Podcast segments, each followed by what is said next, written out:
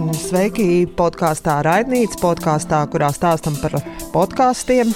Sveiki visi tie, kuri klausās podkāstu, un it īpaši, kuriem patīk podkāsti. Man prieks, ka mēs satiekamies šeit, šajā platformā.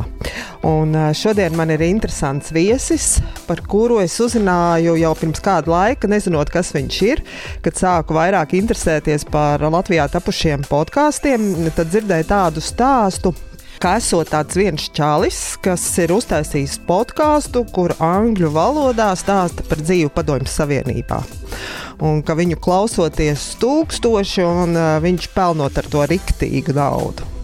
Nu, tad, uh, man tas, protams, likās interesanti, iespaidīgi, bet nu, man liekas, ka tā ir tāda uh, podkāstu vides leģenda, kur nu, droši vien kaut kas tāds ir, bet varbūt ne līdz galam viss ir patiesa. Pagāja kāds laiks, un izrādījās, ka patiešām tā nav leģenda, bet ir tāds podkāsts Eastern Border, un to veido Kristaps Andrejsons. Un šodien raidījumā esmu aicinājusi Kristapu, lai noskaidrotu, vai tā leģenda patiešām viss ir tā, kā tur stāst, vai ir bijis citādāk. Sveiks, Kristap! Vai labdien, man pilnīgi, pilnīgi jāsaraksta. Es, es pats šo leģendu neesmu dzirdējis. Uh, tā, nu jā, es, es, es, jau, es esmu bijis pie citiem latviešu podkāstiem, parunāties mazliet un pastāstījis, kā ir tur ar labajā pusē, sliktajā.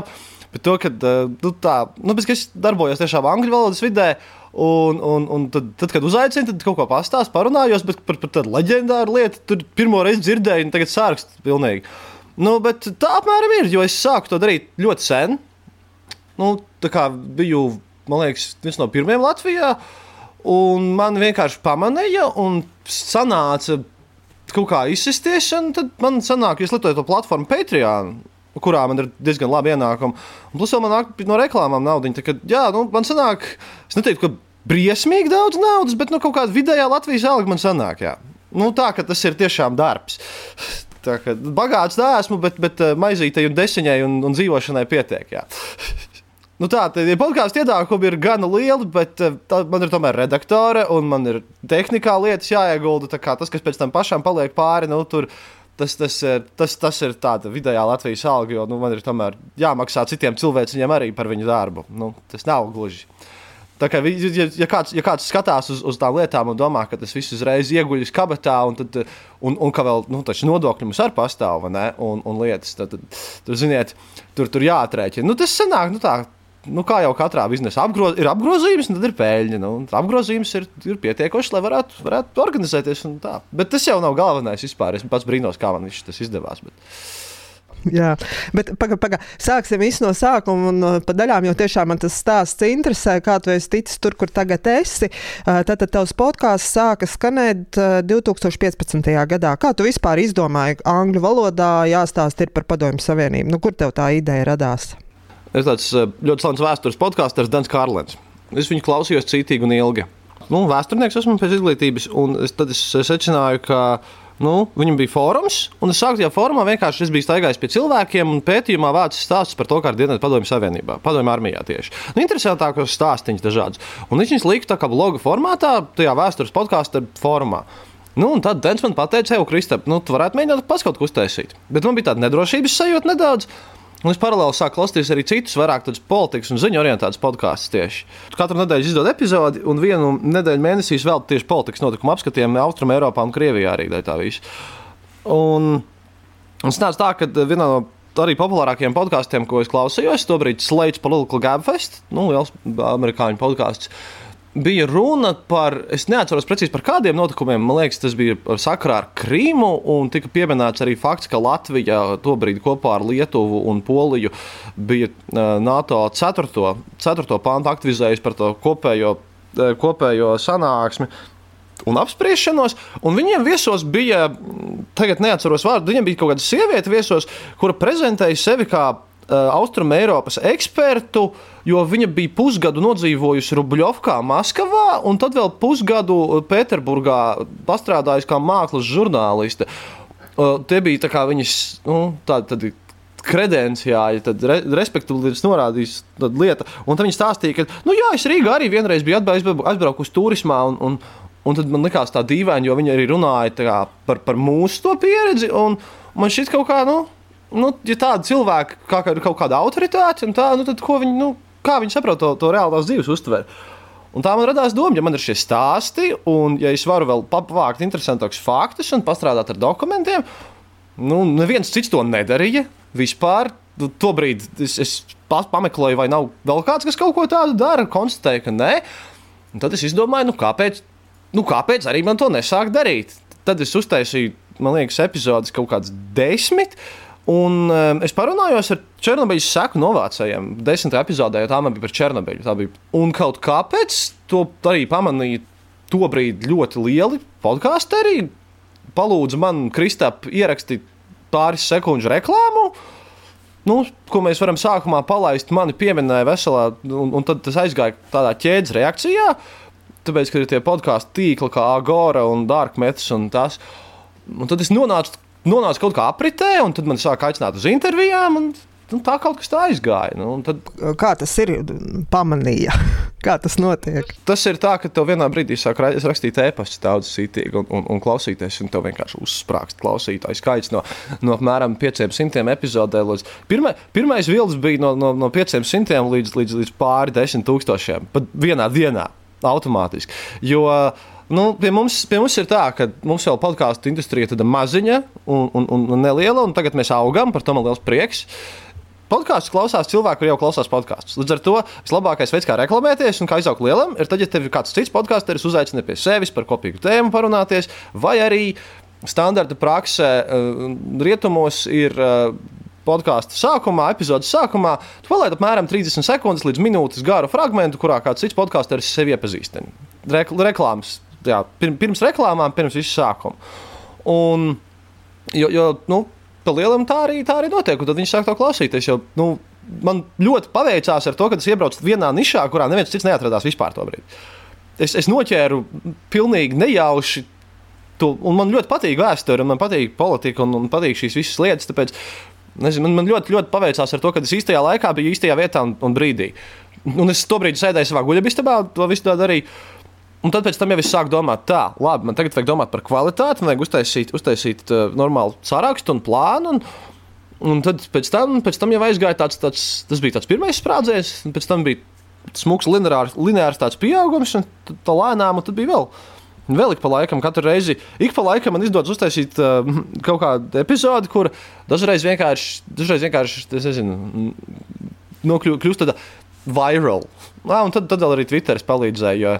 Es atceros, ka to, to vēl Ziemassvētkos, man liekas, 2016. gada Ziemassvētkos, jo es arī nu, sociālajos mēdījos lieku bildes, kas ir atbilstošas tēmai, un es atradu, ka. Uh, Manam vecākajam pusbrālim mājās bija padomju laika tolis papīrs. Un tolis papīrs padomju laikā nebija praktiski. Viņš bija ļoti grūti dabūjams, bet viņš bija kaut kur dabūjis neatvērtu kasti, un tā bija būtībā A5 vēl kvadrātiņu lapiņās saliktas vienas uz otru, tad, tad paka. Es kaut kāpēc es nofotografēju to, man likās interesanti. Es ieliku un vienkārši pūli tūkstošiem jaunu klausītāju vienā dienā. Tas ir kaut kāds, kaut kāds tāds šoka moments, jo, jo tas ir jāatgādina. Jo, nu, cilvēks interesē dažādas perspektīvas ļoti. Un tas, kad nu, un cilvēks tiešām, kā man arī raksta, man ir klausītājs, kurš, teiksim, ir piedzimis brīdī, kurā viņa vecāki bija Checkpoint Charlie, Rietumberlīnas, Austrumberlīnas robežā, viņš tur uzauga, un viņam vienmēr bijis tāds skats, nu, kas tad notiek tajā otrajā pusē. Te vēl ir cilvēks no Norvēģijas ziemeļiem, tieši pie robežas pie Krievijas, un viņš atcerās, kā viņam bērnībā, teiksim, kā, viņš, kā viņam stāstīja, ka, ja tu redz dīvainas gaismas nākot no pāri robežai, tad tur kaut kas notiek. Un tad man ir atnākuši vēl arī ēpasti, kuros ir teikts, ka jā, mēs jau domājam, ka visi padomju savienībā bija tādi, nu, tādi fanātiski komunisti. Un viņi teiksim, ir dzirdējuši par to, kā šī vispār ir bijis tikai no, no sava gala filmām. Teiksim. Un ļoti daudz cilvēku tas interesē, jo tur, tur īpaši ASV, kur man ir lielākā lieta klausītāju, tur ir tāda. Padomju Savienībā ir tāda mistiska piegarša, viņu tāds lielākais draugs, un, un, un arī pēdējā laikā dažādās filmās vai datorspēlēs vai, vai kaut kur padomju cilvēks ir tāds ļaunais tēls. Un es jau kā kaut kā grauju varbūt to, to lietu un, un parāda to atšķirību, kas mums šeit bija starp, nu, starp valdību un, un cilvēkiem. Un tā dzīve parastiem cilvēkiem, nu, mums arī pašiem Latvijā ir bijuši ļoti interesanti stāsti. Un atradu tēmu un atradu cilvēkus, kas viņus interesē. Un, nu, nu, strādāju, cītīgi strādāju. Un mikrofonu labu lietoju, tas ir galvenais. Saki, tātad 15. gadā tapa podkāsts, 16. gadā bija šis te būm, un tad tev sāk nāk klāt klausītāji, kāds ir bijis tas rekords, ko tu esi varējis ar kādu epizodu sasniegt? Nu, tie paši 300 tūkstoši, bet rekords ir bijis apmēram uz pusmiljonu. 300 tūkstoši tā vidēji. Bet tas eh, uz, uz pusmiljonu bija tieši pēc tam, kad es biju. Vēl viens jaukais stāsts.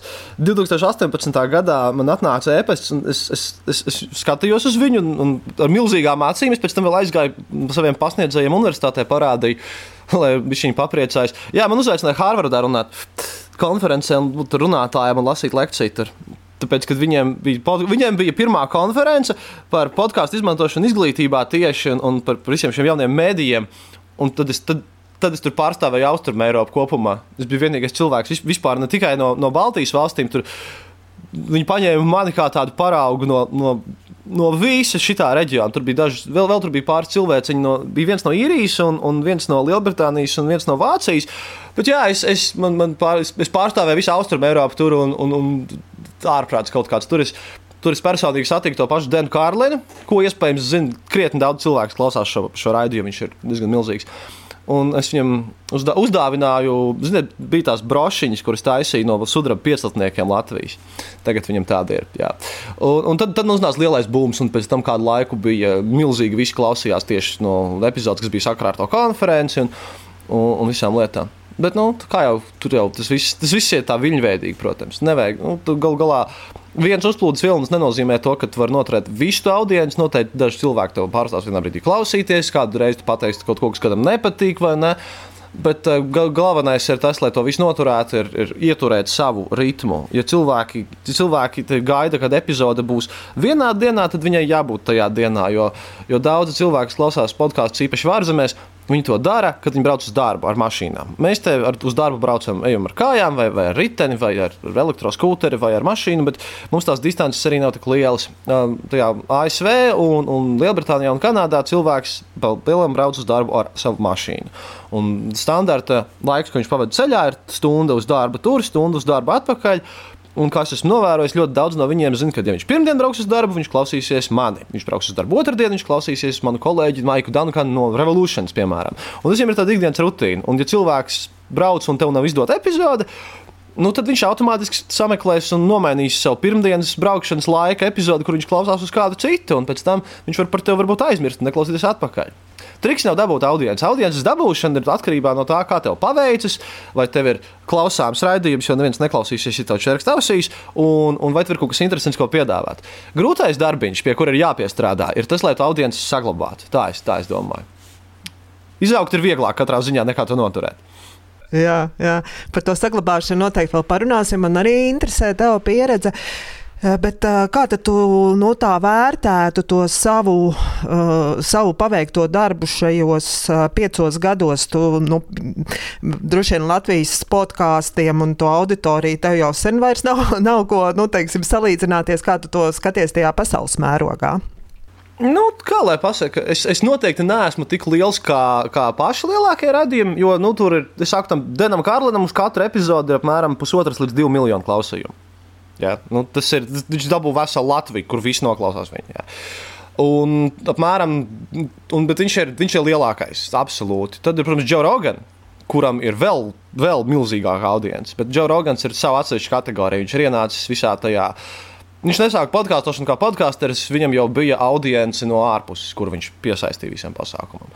Viņš ir drīzāk tajos saucamajos sindikētajos raidījumos, kuri, kuri ir, nu, kurus taisa lielās mediju kompānijas. Lielajām mediju kompānijām cīnīties pagrūti, protams.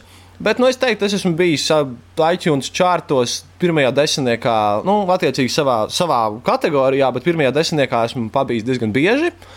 Nu, no, no neatkarīgiem podkāstiem es esmu tāds vidēji liels augšgalā turos. Man jāizdara daru lietas.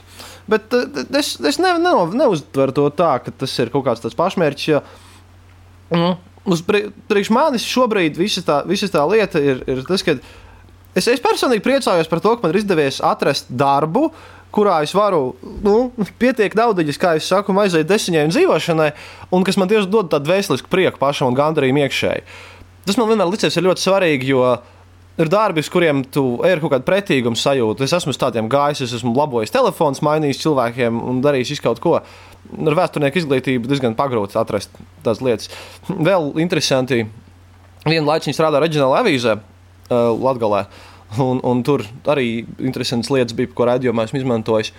Tā kā, um, jā, bet tu galvenais prieks jau tiešām tie, tie cipari un tas pārējais viss, tas atnāk Tas, ir, tas nav pašmērķis katrā ziņā. Pašmērķis ir tas, ka man ir izdevies, iz, man ir izdevies atrast darbu, kurus var veikt un uz ko man, ko man tiešām patīk darīt. Nu, tā kā es pamostos, un, un man nav tāds, vai man tagad atkal ir nezinu, trijos naktī jāceļās, lai ASV kolēģiem interviju ierakstītu, vai, vai ka man grūti ir. Nē, tāpēc, ka, ir, tāpēc, ka man priekšņi darīt ir. Un, un tas man šķiet ļoti svarīgi. Ja jums, ja jūs vēlaties izvēlēties, teiksim, podkāstu, tāds arī padomīgs neliels. Ja jūs gribat veidot podkāstu paši, tad atrodiet tēmu, kas jums ir tuvu sirdī. Nemēģiniet atrast kaut kādus trendus vai kaut ko tādu. Ja jūs atradīsiet kaut kādu tēmu, kas, par kuru jums būs interesanti runāt pašiem, un kur, kas jums liekas svarīgs, kas ir tas stāsts, ko jūs gribat pastāstīt, vai, vai kas ir tā tēma, par kuru jūs vēlaties aicināt klausīties padomāt. Ja, tad tas ir daudz svarīgāk. Jo tu jau jūti arī klausoties, kad kaut ko klausies. Tu jūti, ka cilvēks taisa raidījumu, lai uztaisītu raidījumu un runā garlaicīgi un monotoni, un tur nav tās dvēselītes iekšā. Un, un tāds raidījums viņš var izaugt. Nu, Viņš nevar izaugt, viņš nevar izsisties ārā kaut kā masveidīgi, jo klausītājs jau uztver arī to attieksmi pret darbu un vispārējo. Un tev ir, un tev ir jāpiet tam visam, nu, Gudīgi sakot, vienkārši profesionāli. Un, un, tā. un tu nevari izdarīt darbu ļoti labi un kvalitatīvi visu nedēļu, smagi strādājot katru nedēļu no vietas. Un izklausīties vēl tāds jauks un interesants, ja tu nemīli to, par ko tu runā. Nu, tas tā, nu, tā, tāda, tā tāda lieta, jo man ir arī cilvēki prasījuši, nu, par ko tad es varētu uztaisīt podkāstu. Man atbild, ja tu nezini, par ko uztaisīt raidījumu, tad netājas izdomā no sākuma, ko tu pats gribi pastāstīt kādam. Bet izstāst vairāk par savu smago darbu, ko tu iegūti podkāstā. Jo tiešām podkāstu veidošana, tas tā, nu, vismaz Latvi, latviskajā vidē tas ir. Satika kādi interesanti cilvēki, parunāja, un tad ieliekam podkāstu platformās, un reku podkāsts ir gatavs. Ko nozīmē mm, tava darba ikdiena pie tava podkāsta? Redz, ir atšķirība. Intervijas ir Pirmkārt, intervijas ir, intervijas ir nedēļas, kad es strādāju mazāk, tas ir atpūsties vairāk. Jo intervijai vajag sagatavoties tikai izdomāt, sagatavot jautājumus, sagatavot tēmas sarakstu, iepazīties pašam ar tēmu, palasīt kaut kādas lietas. Jo, teiksim, tad, kad es, es biju Ukrajinā, es biju tur strādāju ar, ar Ukraiņas cilvēkiem un, un, un pie Donbassas un tajā reģionā. Tā bija smaga lieta. Bet, bet tā, kad es aicinu cilvēkus uz manu raidījumu runāt, tad es vienmēr noskaidroju, nu, precīzi jautājumus, ierakstīšanos. Un, nu, nu, kā jau kārtīgs, normāls žurnāls darbs intervijai. Nu, tu nevari iet uz interviju uz dūlo. Tev ir tēma, un tu nevari izskatīties dūmišs visā intervijas laikā. Tev ir, tev ir jāzina, par ko runās. Nu, tad, tas ir vieglākā, vieglākā daļa. Tā kā daudzi taisa interviju podkāstus, tad uz viņiem iespējams neatteiksies tas, ko es tagad teikšu. Bet, ja tu taisīji raidījumu viens pats, tad Viss sākas ar to, ka tēmu tev ir jāzina vismaz divas nedēļas iepriekš, ja ne pat ilgāk. Tev uz priekšu jāizdomā, ko tu darīsi. Pēc tam sākas materiāla vākšana, kas aizņem krietnu laiku. Vai, tāpēc man arī ir cilvēki, kas man palīdz to darīt, jo ir jāatrod. Varbūt, ja tu zini kādu cilvēku, kas varbūt ir ar ko parunāties, nevākt materiālus. Jo bieži vien, ja mēs, runā, ja mēs runājam par, par uh, Latviju, nu, par padomju senības tēmām, pirmkārt, daudz materiāla ir tikai krievu valodā. Latvijas vispār nekā nav. Angliski, angliski ir tas, kas, ko es izdaru. Ja?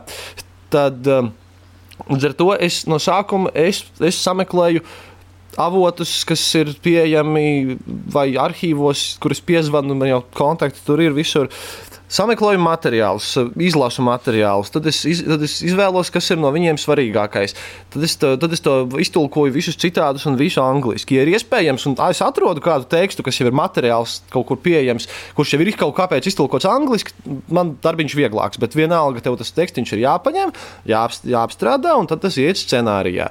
Pēc tam, ja tu, ja tu vēlies iegūt šos cilvēku stāstus, tev ir ar viņiem jāsazvanās, jāsarunā, ka tu pie viņiem aizies, jā, jāpaņem līdzi viss ekipējums ļoti draudzīgi draudzīgi jāieraksta viss. Nu, mūsdienās virtuāli ir vieglāk. Savā ziņā, bet no otras puses, tā kā es runāju ar vecākas paudzes cilvēkiem, bieži vien ar viņu stāstiem, nu, viņiem ar Zoom mēdz būt problēmas. Tāpēc, diemžēl, Covid laikā man ir mazāk interviju no, no šīs paudzes cilvēkiem nekā parasti, jo nu, viņi vēlas pa lielam runāt pa telefonu. To viņi prot izdarīt. Zoomā ir grūtāk. Bet tas arī ir jāizdara, jānorganizē viss, protams. Tad, tad tas arī šīs audio fragments ir, ir jāapstrādā, jo, jo man cilvēki bieži vien nevēlas, jo viņi ir latviešu runā. Un, un mēs no sākuma eksperimentējām ar to, to triku, ko liek filmās, ka cilvēks runā angliski, un es lieku to aizmugurē savu skaņu angļu, latviešu, un aizmugurē savu skaņu angliski vidu, bet tas nestrādā podkāstu formātā, jo mums nav subtitru, un cilvēki apjūk, viņi dzird vairākas balsis tā vienlaicīgi, viņi nesaprot vienu no šīm valodām tad, tad pēc tam tas viss attiecīgi saliekas kopā tekstuāli, scenārijā, kā no sākuma, kā fakti, tādi, tāda sausāka versija. Un tad tu sēdi un, un, un, un domā par to tā. Nu, man te ir visi fakti, bet nu, vai tas būs interesanti? Ko var nogriezt nost, ko var palikt tālāk?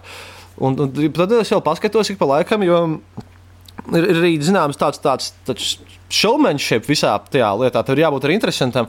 Un tad es sāku domāt, Vai tur nevar iepīt kādu padomju anekdoti? Tāpēc, ka uh, ASV cilvēkiem ļoti, ļoti patīk padomju politiskās anekdotas. Man ir biezs krājums ar viņiem, un, ja kaut kas piesaistās, ieliec to. Un, un uztaisīt kaut ko, un, un kad ir epizodes īpaši drūmas, nu, tāpēc, ka arī man pēdējā epizode, kas nāks burtiski ārā mūsu ierakstīšanās dienā, diezgan drūma ir. Un, un kaut arī kad ir ļoti nopietni temati, tad par viņiem mazliet vajag, mazliet vajag kaut kādu melno humoru. Protams, ja ir lai atšķirās nedaudz tas tonis, jo, kad tu esi runājis par tādu cilvēcisku traģēdiju un ļoti smagām tēmām, un brīdī kaut kas ir ārkārtīgi nopietns, tad pēc tam vajag padomāt, kā, nu, kā mazliet pēc tās daļas, kas ir bijusi ārkārtīgi nopietna un drūma, kaut ko mazliet, nu, kaut vai kādu melno humoru ielikt, lai, lai nav lai nav vienkārši tāda milzīga depresīva noskaņa viscauri. Bet tas atkal ir jādara tā, lai nu, ne, neiz, neaizainot iepriekšējo daļu un, un kā uzbūvēt to raidījumu, salikt kopā. Un tagad tas viss ir izdarīts. Tad esi piesēdies un, un sarakstījis visu, un tev uz katru epizodu ir apmēram 20 līdz 25 sāķa lapas ar tekstu. Pēc tam, tu, pēc tam tu sēdi, sāc un sēdi ierakstīties. Tad tu konstatēji, ka tev mikrofons nav ierakstījis to pirmo daļu, jo tu nejauši atstājis samjūtu podziņu nospiest. Tad nākošo reizi tu nesaproti, kāpēc tev datora ierakstīšanās programma vairāk neuztver, ko tu esi izdarījis. Tad tu esi eksportējis nepareizā formātā kaut ko. Un tā tu sēdi un, un mocies.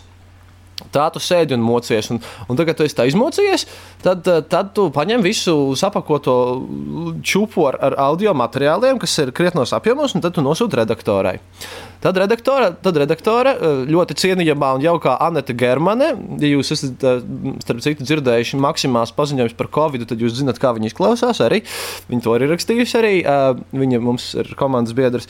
Nu, tad redaktori tev atraksta, Kristaps šo daļu vajadzēs pārrakstīt. Tur es nevaru izgriezt. Jo Kristaps, eh, es personīgi. Es personīgi, kad es runāju, īpaši, kad es veidoju šo scenāriju, kad ir pārāk daudz teksta un man ir laika limits, es sāku runāt pārāk ātri. Un tad es pasaku kādu kļūdu. Un, Un, ja es pasaku kādu kļūdu, tad ir jāatkārto tekstiņš, lai varētu izgriezt ārā daļas. Ja nevar izgriezt ārā daļas, tad, tad redaktors saka, nē, no nu, šī to vajadzēs pārrakstīt. Un tad, kad tas beidzot viss ir savests kopā, tad mēs esam nonākuši sestdienas vakarā, un mēs varam ielikt iekšā epizodi, un tad, tad, tad, tad, tad svētdienas var gulēt. Ah, un, tas ir, un tas viss, vēl, protams, iekļaujas pārējos dzīves gadījumos, kuros notiek visādi neparedzētas problēmas un dīvainības, un tas viss ir jāsavieto kopā. Nu, jā, un tad ar šādu, ar šādu darbu ētiku arī kaut ko var izdarīt. Nu, tā ka tas, tas, tas nepavisam nav. Ah, Kristēns tagad ne no kurienes kaut ko dara. Nē, nu, vienā brīdī es sāku tam pievērsties ļoti nopietni. Nu, tā kaut kā. Sabiedrējuši tagad, sabiedrējuši tagad cilvēku pilnīgi ar Wikipēdiju cauri netiek. Ja? Uh, bet klausies, bet ko nozīmē strādāt angļu valodā? Es domāju, tev, jo nu, tas arī viens to darīt dzimtajā valodā, otrs ir angļu valodā. Es, es izaugu lasot zinātnisko fantastiku bērnībā. Un tad es atceros, kā iznāca Gradzena, lasīju Harry Potteru arī, protams, bērnībā. Bet tad iznāca pirmā Gradzena pelnieka filma. Un es aizgāju uz kinoteātru, un tad es gribēju zināt, kas notiks tālāk. Ļoti citīgi. Un tobrīd man angļu valoda bija diezgan slikta. Un tā nu es nopirku otro gradu un pavēlnieku grāmatu, kas tobrīd bija tieši iznākusi, paņēmu vārdnīcu rokā un izbūros tam visam cauri apmēram pusgadu laikā. Jā, tas ir. Un, un kopš tā brīža angliski runāt un lasīt man nav problēma. Man, man dažreiz ir problēma ar to, ka mums skolās māca angļu valodu britu versiju. Lielākā daļā skolu vismaz. Uh, Un daudzi vārdi, nu, britu versija atšķirās vārdiņi no, no, no amerikāņu versijas. Un īpaši sākuma periodā, tādēļ, ka diezgan liela, liela nozīme manā tekstā ir visādiem militārām pakāpēm un vēstures lietām. Nu, ja tu vārdu esi iemācījies rakstveidā, tad bieži vien gadās, ka tu viņu izrunā nepareizi. Bet savā ziņā tas man palīdzēja, jo Es arī akcentu esmu pazaudējis šo piecu gadu laikā. Tāpēc man, man dažreiz nākas uzlikt rupju krievu akcentu, jo citādi cilvēkiem nav tā šāda sajūta. Bet uh, tas, ka es mazliet pārteicos, uzreiz sākumā mazliet kļūdījos, uh, tas cilvēkiem, īpaši klausoties agrākās epizodes, liekas kaut kā. Nu, tā kā mazliet jauki un, un piedod, kā man raksta cilvēku ticamības momentu. Tas, tas, kad es izklausos pēc tāda no Austrum Eiropas. Nu, tagad mūsdienās jau mazāk, protams, bet vēl joprojām nu, tā kaut kā nu, kā mīļi. Man, man netraucēja. Katrā ziņā man angļu valoda noteikti uzlabojās tikai pašā laikā, bet viņi arī bija nu, diezgan labi pirms tam. Bet, uh, Tieši izrunas ziņā šajā visā viņa pavisam noteikti ir, ir kļuvusi labāka un, un uzlabojusies. Ļoti, ļoti noteikti. Bet par to nevajag uztraukties, jo nu, e, maģiskais triks 85% amerikāņu zina tikai angļu valodu tāpat. Un viņiem tas pats fakts, ka jūs runājat kaut kādā otrā valodā, jau liekas ļoti interesanti. Un tāpēc viņi ir gatavi piedot jums ļoti, ļoti daudzas kļūdas. Un jo vairāk jūs runāsiet angliski, jums, jums noteikti mīļi, tiešām mīļi norādīs, ko jūs izdarījāt, varbūt nepareizi. Un to apgūs jau valodu, viņi ir lietojot tieši vairāk. Tāpēc, ja kādam ir problēmas un viņš uztraucas par to, ka viņa angļu valoda varbūt nav tādā labā līmenī, galvenais ir sākt, ja grib angliski strādāt. Tā nav runāšanas daļa, ir īstenībā mazākā problēma. Lielākā problēma dažreiz ir, ir tulkot no krievu valodas uz angļu valodu. Jo nu, parasti galvā, galvā pieredze vienmēr dzirdēt krieviski, tulkot latviešu, vai attiecīgi tā, bet tieši no krievu uz angļu pārnest bieži vien. Jo daudz materiāla ir tāda.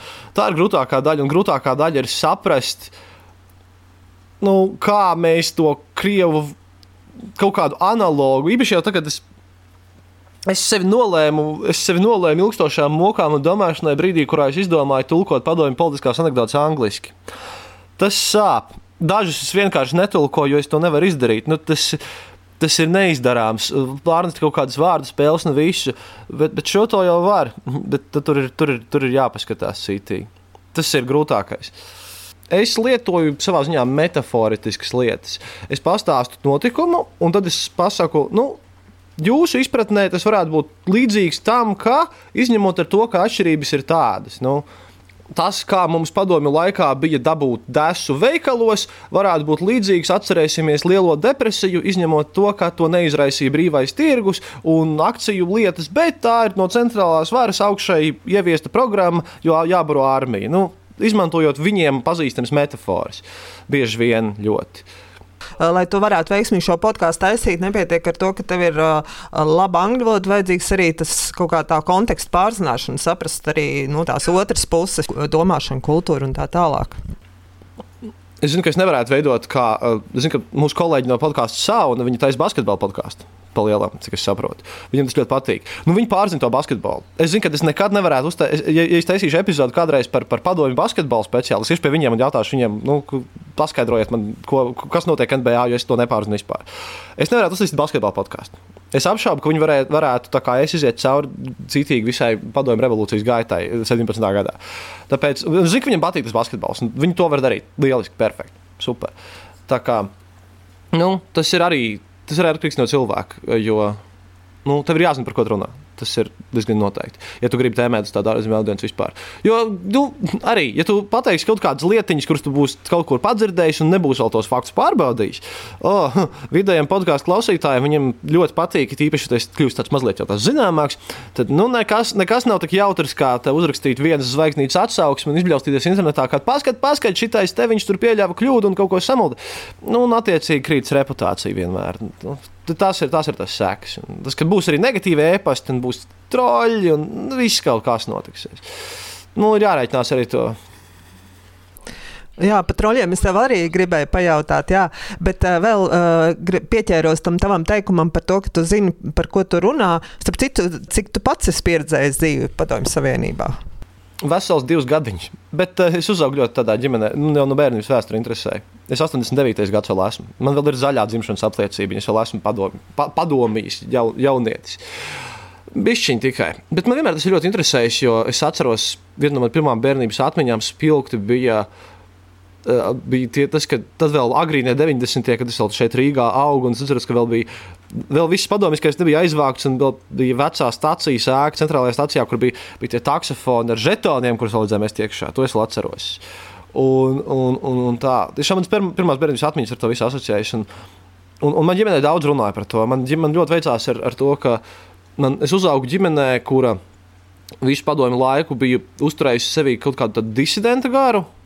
Jo, jo vecmāmiņa bija mācītāja meita, ārste, un viņa bija mācītāja meita padomu laikos.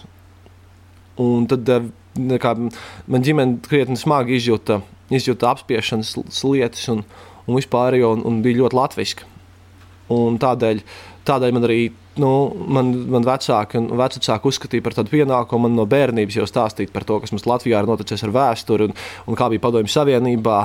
Un, un tad, kad, tad, kad es bērnībā sūdzējos par to, ka kaut kas 90. gados nav labi, un, oh, un tad krietni daudz kas nebija labi, man vienmēr atgādināja, ka mums vismaz tagad ir slikti, bet ir jāpaciešās, jo mums tagad ir brīva valsts, un pirms tam nebija. Tā. Tāpēc man ir tāda pieredze. Esmu, tāpēc arī es sāku to uztvert. Tas, ka tu nezinu, bērnībā neesi kopā ar mammu stāvējis veikalā rindā pēc sviesta, vai arī neesi pats bijis pionieris oktobrēns, tas ir plus vai mīnus tev? Ļoti sarežģīts jautājums. Ļoti.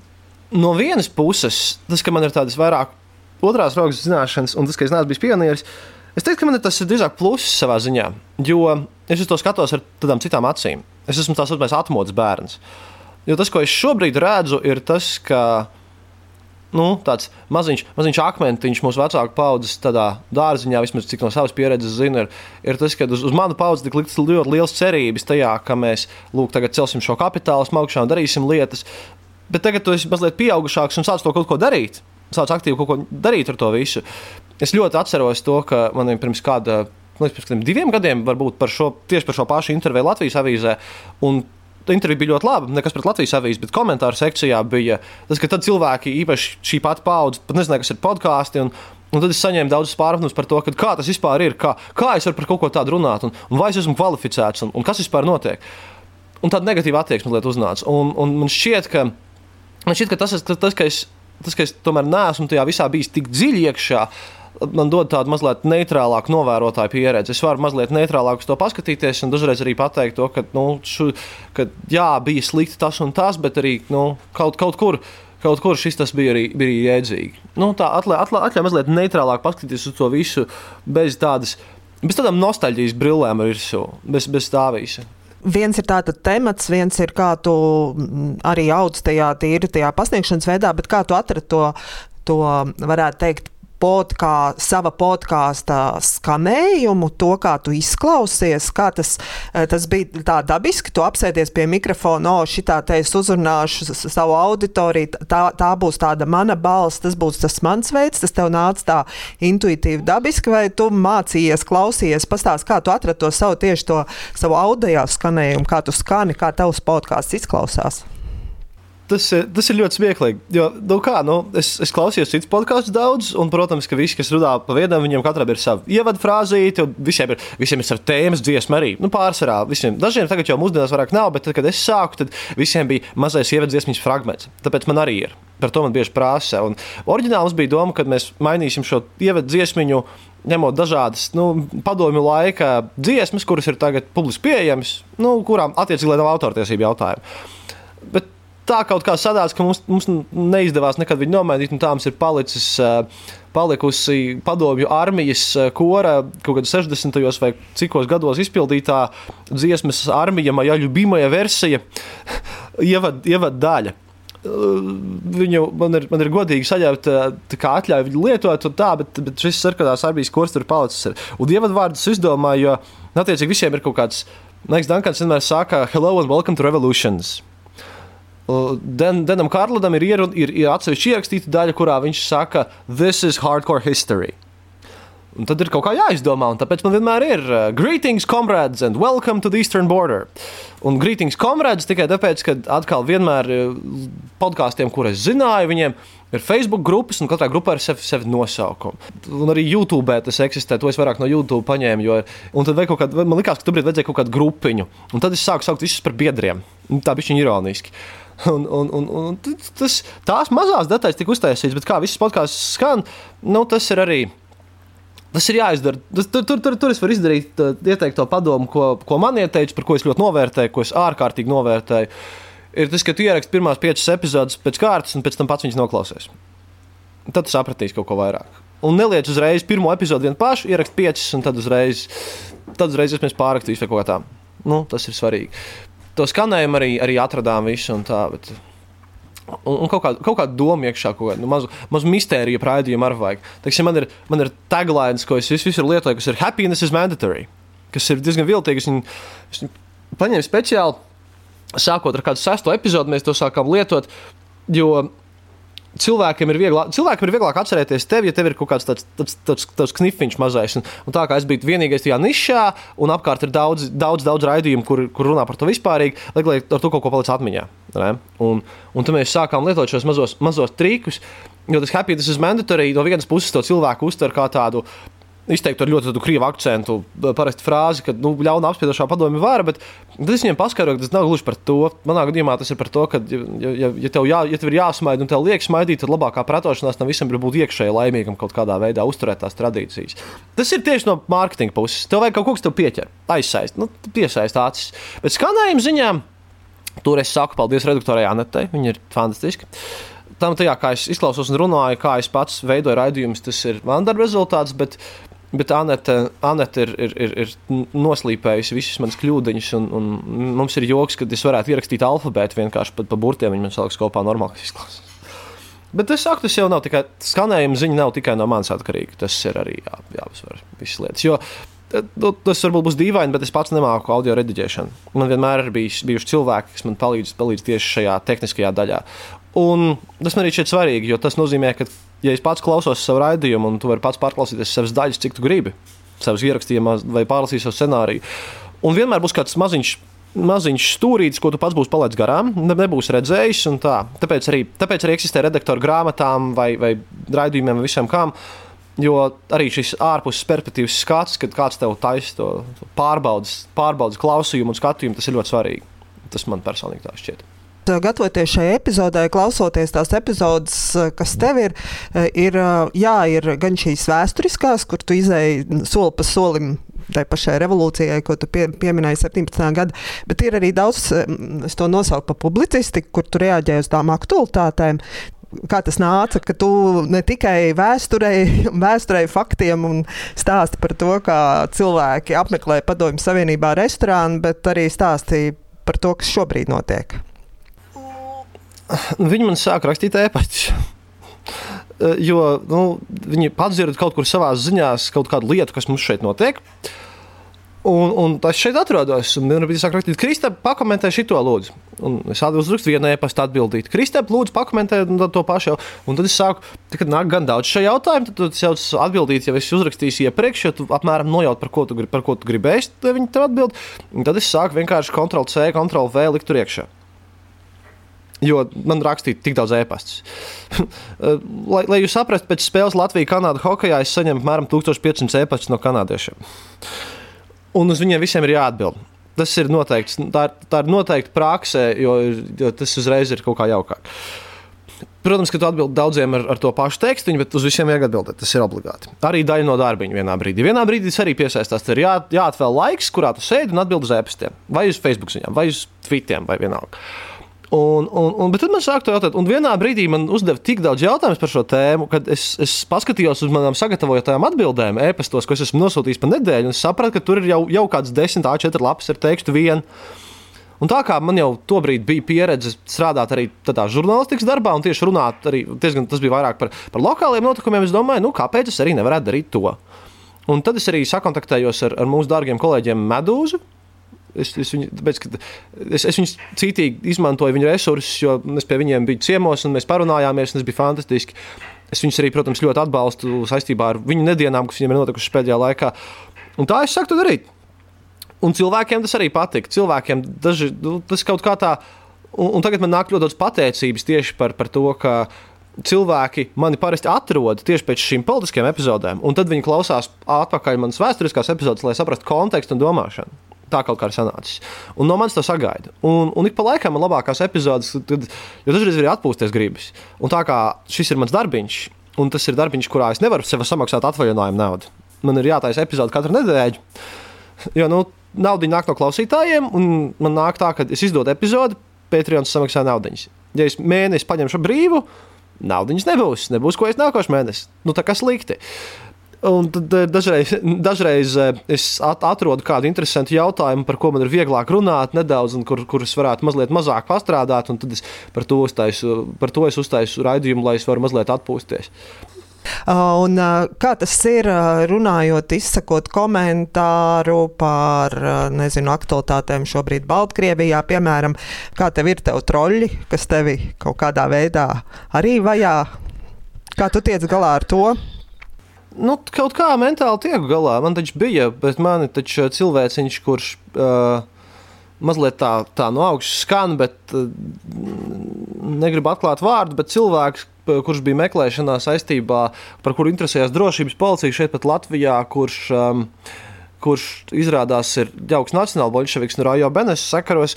Mm, tā kā mēs vienā dienā strīdējāmies Facebookā, jo viņš bija pamanījies vienu gadu ar Georgu Lentītēm aiziet līdz restorānam pēc, pēc tā incidenta, jā, viņš tur aizgāja un izdarījās. Un, izteica visādas ļoti naidīgas lietas par latviešiem un Latviju, un es ar viņu pastrīdējos Facebook, un tad viņš izdomāja aiziet uz policiju un sākt par mani kriminālu lietu. Par to, ka lūk, mani ASV fani, dēļ tā, ka viņš izteicās, ka klausījies manu raidījumu, un mans raidījums esot naida runa. Jā, jā, un ka tūdaļ, tūdaļ atbrauks amerikāņi un viņu personīgi, viņu personīgi nogalinās. Un, un viņš ļoti, ļoti baidoties no tā. Uh -huh. un, un tad es gāju, un man nācās ar to visu tikt galā, un nāca arī ļoti negatīvi komentāri. Tad ir cilvēki draudējuši, ir Ramzanam, kad ir Iravam, kas arī nav man tuvs cilvēks, vēl pateiks lietas. Un, un, un, nu, regulāri, regulāri zvana, raksta e-pastus, bet tas ir tas spilgtākais gadījums. Un, nu, neesmu nekādās problēmās, jo mūsu policija bija ļoti sakarīgi cilvēki un saprata, ka nu, no, no sākuma, protams, uzaicināja, uzrakstīja paskaidrojumu.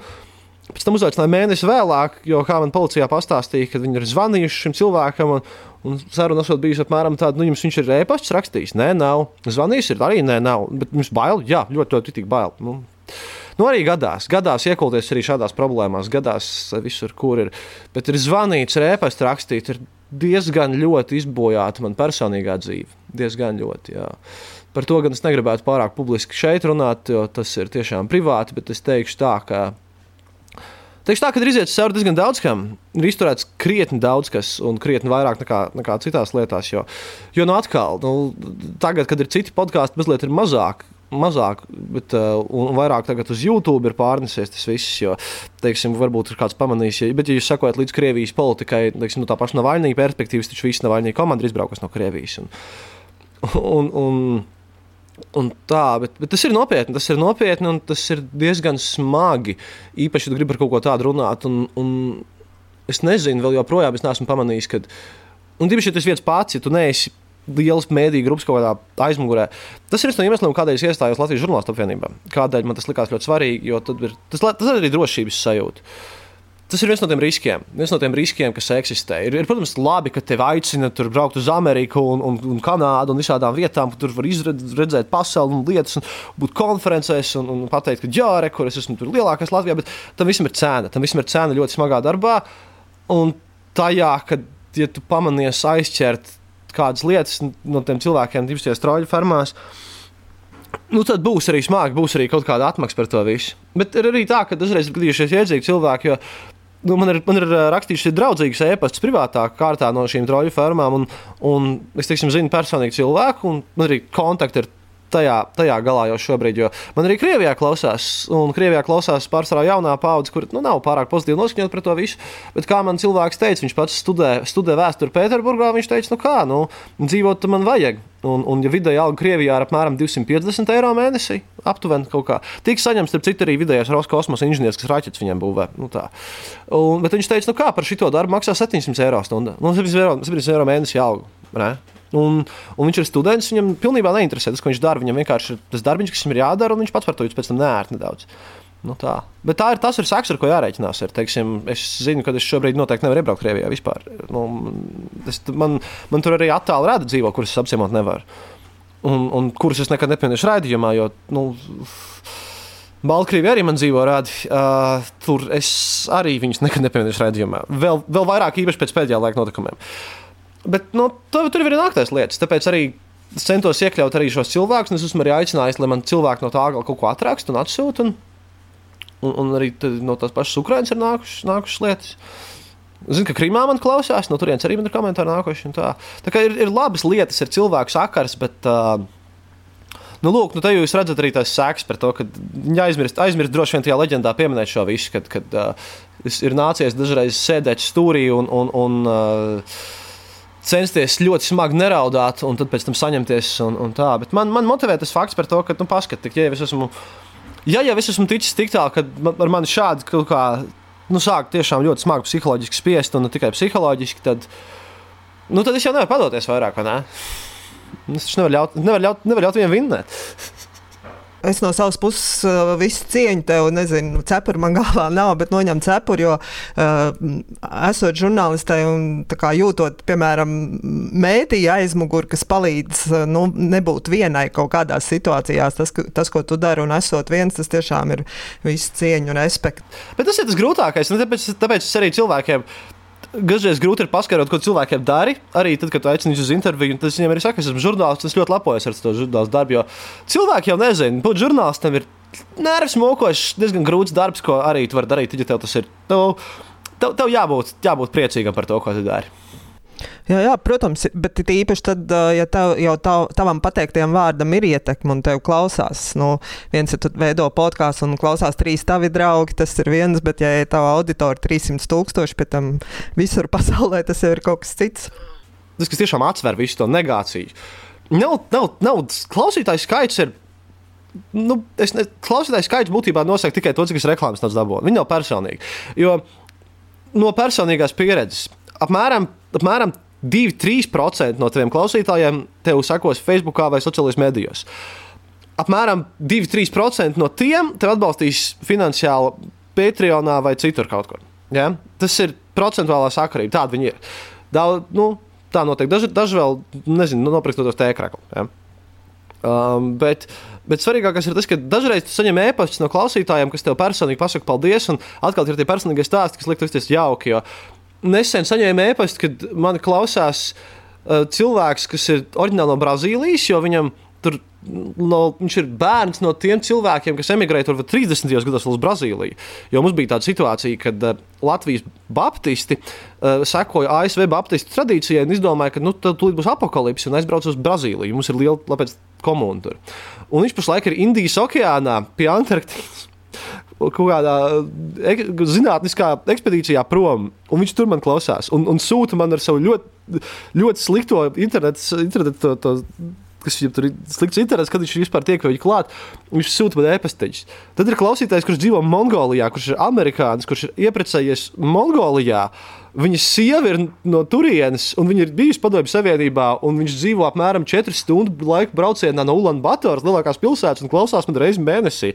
Viņš man rakstīja par to, ka viņš grib iepazīt labāk savas sievas kultūru, sākot klausīties, un kad viņi braucot mašīnā, tad sieva regulāri skaļi komentē, jā, jā, šī tā arī bija. O, mums bija savādāk tur Mongolijā, un viņš man regulāri sūta savus, savus no sievas eh, komentārus ar tekstu, bet uh, Centrālā Azijas daļā bija savādāk. Tā, un, Visi šie uzies stāstīja. Man ir, man ir ir seši klausītāji Kenijā, kas ir, uh, kas ir bērni, kas ir visi bērni, jo viņu tēvs studēja Rīgā Padomju Savienības gados. Viņi, viņiem ir viens dators uz visiem, viņi nāk un klausās. Tas ir, tas ir tas ir tas, kas ir, ir kaut kas, kas tu sēdi un domā, es te, es, es, es te esmu pa pusi laika Rīgā, pusi laika Ludzā. Tā kā un, un, un es, es daru to savu darbu, bet tas ir tāds stāsts, ir, ir uzmundrinoši. Tas, kas, tas, kas jūtas visnērtāk, ir tas, kad, tad, kad dažreiz, dažreiz ir bijis klausītāji, un, un, un pašlaik man mājaslapā ir re, remonts stadijā. Tāpēc, kad atkal jaukie trāļi, vai ne? Tas nu, tā notiek, kad tev, kad tev nu, labi, ka man bija, labi, ka man bija backup uztaisīta, bet principā mūsu lapa vienkārši puf, aizgāja ciet. Pašlaik remontējam, taisīsim jaunu. Bet, Bet atbrauc klausītāji dažreiz uz Latviju. Es esmu, man liekas, VDK mājas muzejā uz stūra mājā, man jau zina no galvas, tā, ka tur bija vaļā vismaz. Tagad atkal braucu. Es pagājušajā nedēļā satikos ar vienu cilvēku no Kanādas, vienu no, vienu no ASV. Abi, abi ir ar NATO sakarā, gribēja man satikt beidzot. Mūsu NATO kontingentā arī man klausās, to es zinu noteikti. Īpaši jau cilvēki no, no, no Kanādas, Kanādas un Norvēģijas viedība man ir īpaši tuvu šajā ziņā. Bet es viņus vadīju par Rīgu, rādu padomu lietas, rādu visu, ko. Un, un nu, tā draudzīga attieksme ir laba. Bet dažreiz viņi atbrauc, arī uz Lūdzu ir atbraukuši no Austrālijas.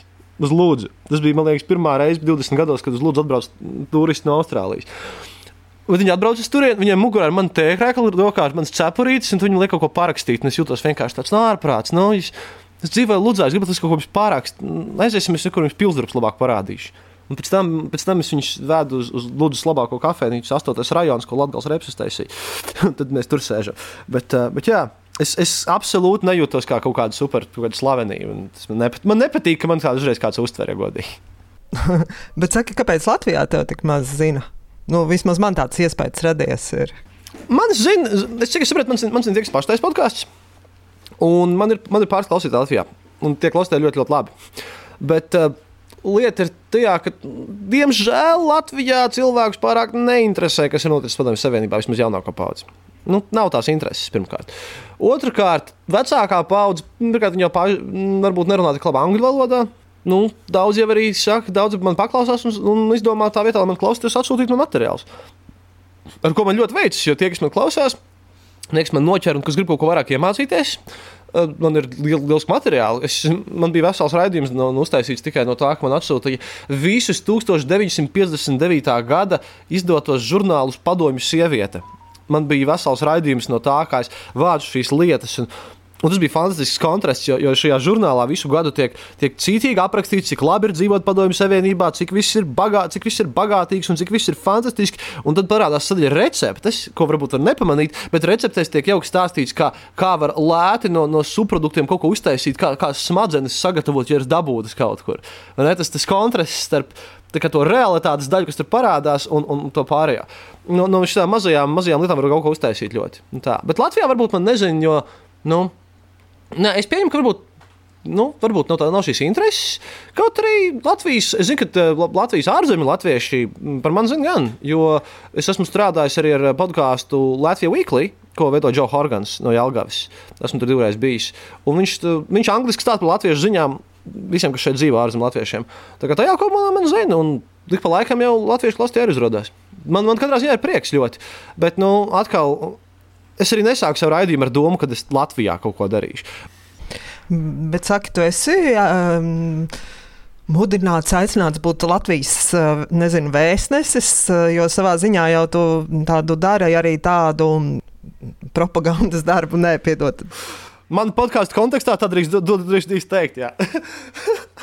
Jā, bet savā ziņā, nu, mm, ka tu nes to Latvijas vēstu, ko droši vien iegūda nezinu, Latvijas institūts dažādu bukletiņu un klipu veidošanā, tavs tas ieguldītais darbs tāds reāls un, un arī ar tiešām auditoriju, vai tu esi uzrunāts arī kaut kādā veidā tiešām kā tāds influenceris, kas, kas pauž šo Latvijai nu, noderīgu viedokli ļoti interesanti, bet no Latvijas puses nē. Es esmu rakstījis Latvijas institūtam. Es viņiem pats uzrakstīju brīdī, kurā man uh, nomira vecais mikrofons. Tad es viņiem uzrakstīju, nu, vai, vai mēs nevaram sarunāt, ka jūs man palīdzat dabūt mikrofonu. Es neprasīju neko vairāk, es gribēju vienkārši šādu mikrofonu. Es viņiem nodevu podkāstu, viņi pat neatbildēja. Tas bija apmēram kaut kāds pusotru gadu atpakaļ. Uh, es, es nezinu, vai cilvēki šeit kaut ko zina, bet eksistē tāda lieta kā Baltijas lobbyis uh, Vašingtonā. Viņi par mani zina. Uh, par mani zina ārzemju Latvijas komunas. Viņi, man, viņi tur izmantojuši ar mani. Uh, viņi ir ieteicis mani uzaicināt uz Hārvardu tur tieši. Tāpēc es arī tur tos divus gadus, divus gadus piedalījos. Uh, bet, bet tā, no, nu, tieši no Latvijas puses, nē. Un man nepatīk vārds influenceris ļoti. Tāpēc, ka tagad uh, kaut kā Redz, tur, ir tā, tur ir tā lieta, nelieto Instagram personīgi. Es nepatīk šīs lietas, jo es necenšos šeit e, reklamēt neko, neko pārāk. Es, es, e, man, man nemaksā neviena kompānija par, par manu darbiņu. Man nu, nav, negribās kaut kā. Ja ir kaut kas labs un jauks, teiksim, e, kur es kaut ko labu redzu, tad es, mm, kā, man, man sakontaktēju šie cilvēki. Man nesen sakontaktēja, būs ļoti interesanti lieta, ko es gribu mazliet arī pastāstīt, ka mums Latvijā ir cilvēki, kuri ir izveidojuši aparātu, kas var pārveidot vecas riepas, tīzeļdegvielā, oglēs un būtībā gāzē lietojamā. Un viņiem ir problēmas šobrīd uh, to visu izvest cauri, jo uh, kaut kādu iemeslu dēļ tas process ir būtībā pirolīze, kas ir riepu destilēšana. Nu, tā sanāk, bezgaisa atmosfērā karsē viņu un tur paliek pāri ogleklis tikai tīrs, un viņš pārstrādājas un paliek tie metāli vērķi iekšā. Un viņi man uzrakstīja, jo viņiem ir vienā brīdī pateicis, ka to kaut kāpēc pēc mūsu dīvainām birokrātiskām lietām, tas ir riepu dedzināšana, kas tas galīgi nav, jo tas ir riepu pārstrāde. Un viņam ar to ir problēmas. Par to mums arī epizode drīzumā. Un es ceru ar to piesaistīt tiešām uzmanību no ārzemēm, vairāk varbūt viņi būs kaut kādi investori. Jo es biju pie viņiem, redzēju to projektu. Un, Nu, jā, mums ir čūpas ar riepām, kas kaut kur mētājas. Tie cilvēki, pēc tam, ka viņiem kaut kas nesanāca, ir uztaisījuši savas lietas, un, un viņiem tur ir cilvēki no Pakistānas visur. Un tā, man ir šādi, man ir šādi brīži bijuši. Pilns ir vērsušies, lai es paraklamēju vairāk. Ir interesants projekts, bet es ļoti, ļoti nopietni to skatos. Bet no valsts puses, kur aicinājuši man piedalīties, nē, man ir aicinājuši piedalīties no ārzemēm stāstos par Padomju Savienību tieši. Jā, e, bija tāds. E, bija, mm, man liekas, Ungārijā, Ungāri, Ungārijā bija bāzēta tā programma, bet vispār viņi finansē Itāliju vai kas tāds. Viņiem tagad nāks laukā programma, kas vāc. Viņi taisa animācijas par padomju stāstiem. Tieši padomju laikā augstā, augstā kara stāsti, man aicināja tur piedalīties ar, ar lietām no, no, no mūsu puses, un tur es esmu bijis. Bet, jā, nu, ziņā, principā man ir aicinājuši kaut ko darīt, bet vairāk no, no otras puses kaut kur pieaicinājuši. Latvija pati man nav vēl nekur izstūmusi, bet, nu, nu ko es. Varbūt tagad pēc šī raidījuma kāds arī pajautās. Jo, nu, Neviens jau, neviens, es saku, neviens jau nezina, ne? un tad, ja jau neviens nezina, tad, nu, kur, tad, kur tad aicinās? Vienīgais Latvijas institūts, jūs to dzirdat, tad jā, es, es te nerakstīju jums toreiz, tas nebija liels joks, bet es vienkārši pieņemu, ka Latvijas institūts redz, ka DPS ir no kaut kāda podkāsta Un vēl pirms diviem gadiem, kad tas vēl bija galīgi mazāk, tad es pieņemu, ka viņi varbūt pat ēpastu neizlasīja. Nu, es par viņiem neko nepārmetu. Jūs zināt, cik ir, cik ir grūti aiziet uz randiņu ar, ar, ar meiteni, un, un tad viņi tev jautā, ko tu dari. Tu saki, es esmu podkāsteris. Un viņi tādu ko? Nē, tagad jau mazāk tas tāds joks, bet eh, tā gadījums no dzīves. Mazie, vēstur, mazie personīgās vēstures stāsti. Bet, eh, bet jā, Nu, ir aicinājuši, ir braukts visur, kur. Bet es arī ļoti skaidri norādu to, ka ir kaut kāda epizode, ko man palūdz kāds izveidot. Bet, tad, tad ir tā interesanti. Bet es ļoti, ļoti izvērtēju to. Man ir aicinājuši reklamēt datorspēles. Jā, cītīgi. Es reklamēju veselu vienu vienreiz. Jo atkal lieta, par ko cilvēki nezina, mums ir latviešu cilvēciņi, kur, uztai, kur tiešām viņi arī tajā biznesā sitās augšā. Un, un viņi man paaicināja, bet tur es arī visu norādu un ir aicinājuši reklamēt visu kaut kādas dīvainas lietas. Es esmu diezgan atteicies no tā visa. Man ir. ir, nu, ir Tu nevari, nevar, tur ir arī kaut kāda standarta. Nevar, nevar ņemt visu, pret, nevar tā ņemt, uzņemt visu, visus piedāvājumus tā vienlaicīgi. Tev ir kāds ieteikums uh, kādam foršam vēstures podkāstam, ko tu ieteiktu, piemēram, klausīties man, ja man ir vēsture interesē? Dēna Kārlina Hardcore History. Uh, Tas ir labākais, kas, kas ir. Viņš, diezgan, viņš izlaiž vienu epizodi četros mēnešos, un tā epizode ir sešas stundas gara. viņš, viņš sākās mazāk, bet tagad ir, bet tā, tas ir absolūti lieliski. Viņam ir sērijas par Pirmo pasaules karu. Tagad viņš veido par Otro pasaules karu Japāņu frontē, un tas man tiešām iedvesmoja. Tas ir, tā ir vēstures mācīšana padarīt liekas, ļoti pareizi. Tas ir absolūti labākais, kas ir, un ir iemesls, kāpēc viņi klausās tik daudz klausītāju. Tas ir ļoti labi. Un cilvēkiem, kurus interesē tiešām paskatīties, varbūt mūsu pusē ir interesanti raudzīties uz tādu ASV perspektīvu. Uh, es iesaku. Diemžēl podkāsts noslēdzies. Es nezinu, vai viņam būs jauns sērijas, jo nav izdodas ilgu laiku. Bet tas, kas, tas materiāls, kas tur ir, ir ļoti labs. Tas ir Sema Davisa, Inward Empire. Viņam pēdējā, pēdējā sezonā, ko es biju par, biju par Vietnamas karu, es iesaku, jo viņam viņa pieeja ir tā, kā es cenšos paskaidrot padomju vēsturi amerikāņiem, tā viņš cenšas izdot savu Amerikas iekšējo redzējumu uz ārpusi. Tāpēc šis raidījums viņam saucas Inward Empire, kas ir iekšējā impērija par, par tādu ASV, kā ASV kultūra nonāca mūsdienās tur, kur viņa pašlaik ir. Ja? ja kā tas interesē, tas ir ļoti labi, un, un tas ir krietni interesantāk nekā, nekā rēdzīgi. Un tad, ja gribās kaut ko tādu vienkāršāku un tādu, kas ir klausāms katru nedēļu, un kur ir ļoti daudz epizodes, un kas nav No šiem, šiem abiem podkāstiem epizodes iznāk retāk, bet ir garas. Bet tad ir Maika Dunkana podkāsts Revolutions. kas ir revolūcija vēsture. Un ļoti interesanti. Viņa epizodes katra ir apmēram pusstundu garas, iznāk reizes nedēļā, un viņš pašlaik man palūdz man viņam iztulkot čūpu ar materiāliem un palīdzēt lietām, jo viņš šobrīd iet cauri visai Krievijas revolūcijai 17. gada. Un dēļ man ieteikumu viņš nesāk ar 17. gadu, viņš sāk ar 5. gadu citīgi. Kā, bet viņam tur viņš sāk ar visām lielajām revolūcijām. Un kas vēl ir interesantāks vēsturē nekā tas brīdis, kurā, kurā mēs pasakām, nu, nu viss pietiek un notiek lielais drusku hāsiņš. Tas ir forši. Bet no vispārējiem podkāstiem, um, kas nav tieši vēsture, ļoti patīk jaunais Vox podkāsts, saucās Unexplained. Tas ir zinātnīs podkāsts. Viņš runā par neatrisinātajām problēmām zinātnē, par lietām, ko mēs nespējam, kā, ko mēs esam izdomājuši. Teiksim, par lodveidu zibeni, kādas ir teorijas ap viņu. Bet tas nav no tādas ufoloģijas vai paranormālas perspektīvas, tas ir zinātnīs podkāsts. Bet, teiksim, kas man pārsteidza, ir tas, ka es uzzināju, ka mēs tā arī neesam īsti sapratuši, kā tieši oži strādā. Mēs zinām, kā viņi strādā, bet kāpēc viņi strādā, kā tas ir kopā. Un teiksim, to, ka suņi var savost slimības. Nopietni, suņi var savost vēzi. Teiksim. Viņi var diagnosticēt viņu labāk nekā aparāti. Tagad teiksim, Massachusetts Tehnoloģija institūtā viņi taisa mākslīgo degunu elektroniskā formātā, kas būtu mazliet uzticamāks nekā sunīts, jo sunīts var saslimt tā. Tas to darīs. Ja jums kaut kas tāds interesējas, iesaku arī Voxa Unexplained podkāstu. Nu, tā, Kristap, es domāju, ka šim ierakstam mēs varētu likt stop, bet es noteikti priecāšos un noteikti ar tevi vēl satikties, jo ir daudz jautājumu, kas man te palika aiz kadra, piemēram, kā tu nokļuvi Ukrainā un tā tālāk. To, to droši vien jā, jāatliek kādai citai reizei. ļoti priecājos ar tevi iepazīties un, un arī visu cieņu tavam darbam, ko tu dari, un lai tev ir daudz, daudz vērtīgu epizodu, un, un, un lai tev pietiek spēks šo darbu turpināt. Tas ir tas, ko tev novēlu. Nu, turpināsim komunicēt. Un es vēlos jums novēlēt arī veiksmu izdošanās, un klausītāji vēlos novēlēt eh, galveno padomu, ko man iedeva, un viņš man tobrīd likās dumišs. Viņš ir drusku smieklīgs. Bet uh, tas skan tā. Klausiet, jūsu mikrofons ir jūsu labākais draugs, jūsu mīļākais ēdiens un jūsu bikses. Jautājums bija, pag, kāpēc bikses? Atbilde bija tāda, nu kā? Tehniski jau tu vari iziet uz ielas bez biksēm, bet uz tevi viss dīvaini skatīsies. Tehniski jau podkāstu rakstīt arī bez laba mikrofona, bet uz tevi arī viss tad dīvaini skatīsies. Tas tā, mazliet humoristiski, bet eh, ja, ja, ja ir viens tehniskais padoms, kas grib iedot, ieguldiet naudu labā mikrofonā. Nopietni. Bet eh, paldies jums liels, man bija liels prieks šeit būt, un es ļoti ceru, ka tālāk sadarbība arī eh, droši rakstiet, ja es varēšu, es atbildēšu absolūti noteikti. Un, un, Un es ceru, ka es mazliet esmu kaut kādas leģendas, tad viņš ir pagrāvis par sevi. Es nezinu, cilvēku sāks kaut ko. Ne, nedomājiet slikti, es esmu tāds pats. Tāds pats podkāstu nūģītis kā vispārējie galu galā. Paldies jums atkal vēlreiz milzīgs. Tā, Kristap. Veiksmīgums.